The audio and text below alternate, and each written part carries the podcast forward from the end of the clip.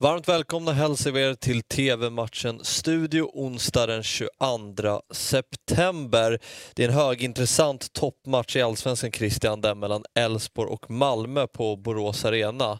Eh, Elfsborg som hade chans att gå upp i serieledning i söndags, men åkte på en väldigt överraskande förlust mot tabelljumbon Östersund med 1-3. Ja, börja ja. med att ge bort ett första mål och sen så eh, fortsatte eh, Östersunds eh, målskytten med, med två till så stod ju för, för ett hattrick helt enkelt. Det var väl inte riktigt det Elfsborg hade tänkt sig när man åkte upp till Östersund. Nej, och Malmö kryssade hemma mot Djurgården. 1-1 slutade den matchen. Har fortfarande problem att vinna i allsvenskan efter man börjat spela de här kvalmatcherna till Champions League och nu gruppspelsmatcherna. Men det är ju väldigt viktiga på spel här. Jag kan nästan sträcka mig till att det är lite vinna eller försvinna för båda lagen. Ja, men det ligger nog mycket i det. Eh, och då ska man alltså vinna eller försvinna på ett konstgräs. Konstgräs som ju eh, MFF då är konstant, eh, både verbalt pratar om att man inte vill spela på och sen har, eh, ja, inte, inte, inte riktigt levererar spelmässigt på. Så att det är verkligen inget lätt läge för Malmö, för vi har ett Elfsborg i fin form. Ja. Elfsborg har väl eh, kanske inte överraskat mig, då jag är ju Elfsborg-svag som du vet. Eh, men har väl överraskat eh, väldigt många i alla fall, att man hänger med så här bra, så här långt in i serien. Jag tror att det talar lite för Elfsborg i den här guldstriden att man smyger med i guldserien. För många, det är inte många som pratar om Elfsborg som en kandidat till att vinna SM-guld. Nej, det är väl bara i Borås man pratar om Elfsborg. Ja. Så där, där tror jag att pressen är, är hård. Så att säga. Men om man tänker att press finns eh, alltså in, inte bara i den omedelbara omgivningen utan även liksom ute i svensk fotboll eh, som helhet. Då har ju Elfsborg absolut ingen press på sig här. Så mm. det, är, det är absolut ett tacksamt läge. Eh, jag tycker att det är riktigt fint eh, slagläge faktiskt för Elfsborg i den här matchen. Mm. Hur tror du det slutar då? Nej, men jag tror att Elfsborg fixar det här. Mycket, mycket beroende på konstgräset. Då. Mm. Eh, och eh, Malmö helt enkelt fortsätter att drälla poäng. Och då skriver vi av Malmö i guldstriden?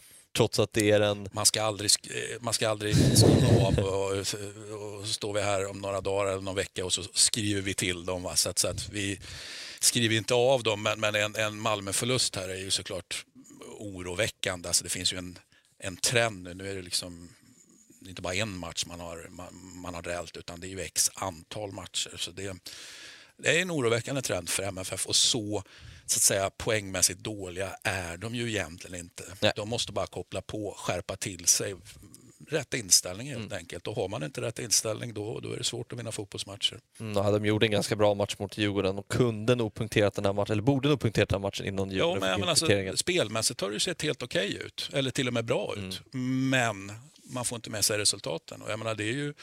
Eh, det är klart, om det händer någon enstaka match, det är en sak, men när det händer x antal gånger, då, då ja, det är inte utan att man börjar fundera på vad, vad är det som inte sitter här egentligen. Precis. Ja, det är sex raka matcher utan seger i allsvenskan. Matchen startar 19.00 och ni ser matchen på Discovery+.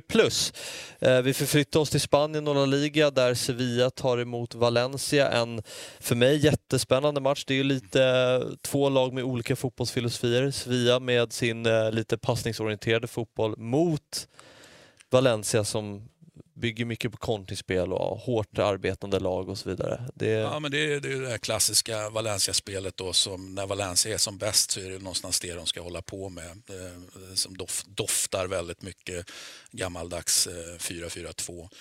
Eh, Sevilla då, någon slags inte partyfotboll, men det är i alla fall full, full fart framåt. Då. Och båda, båda klubbarna är ju precis under de här storlagen, storlagen som en gång var två, numera tre med Atletico de Madrid. Så att eh, de här är ju två klubbar som ligger precis under som ska liksom om stjärnorna står rätt, om de tre storlagen kanske inte har sin bästa säsong.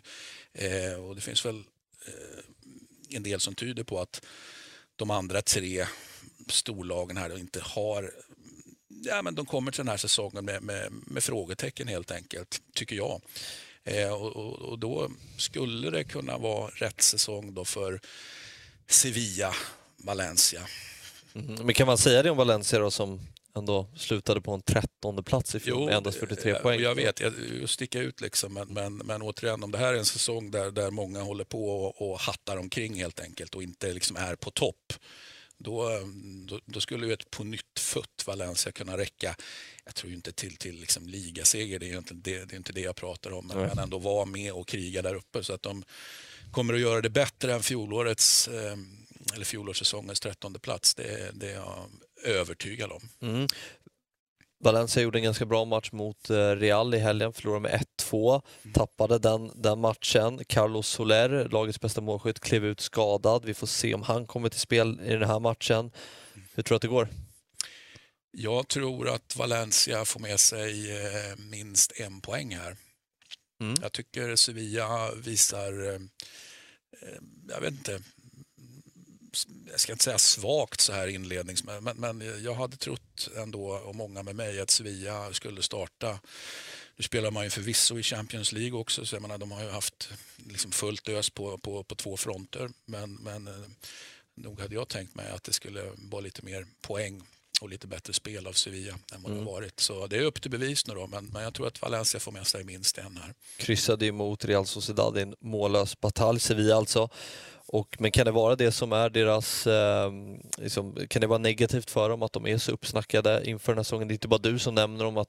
Nämner du menar att Sevilla? Ja, att de kan utmana ja, liksom. Men är de, är de, de är de så upp... Är det är det jag sätter ett frågetecken för. Jag, jag, kan tycka då att de rent, alltså de bör kunna ha mentaliteten, men de har ju eh, i modern tid, så länge jag har hållit på med så, så har de ju inte haft rätt mentalitet.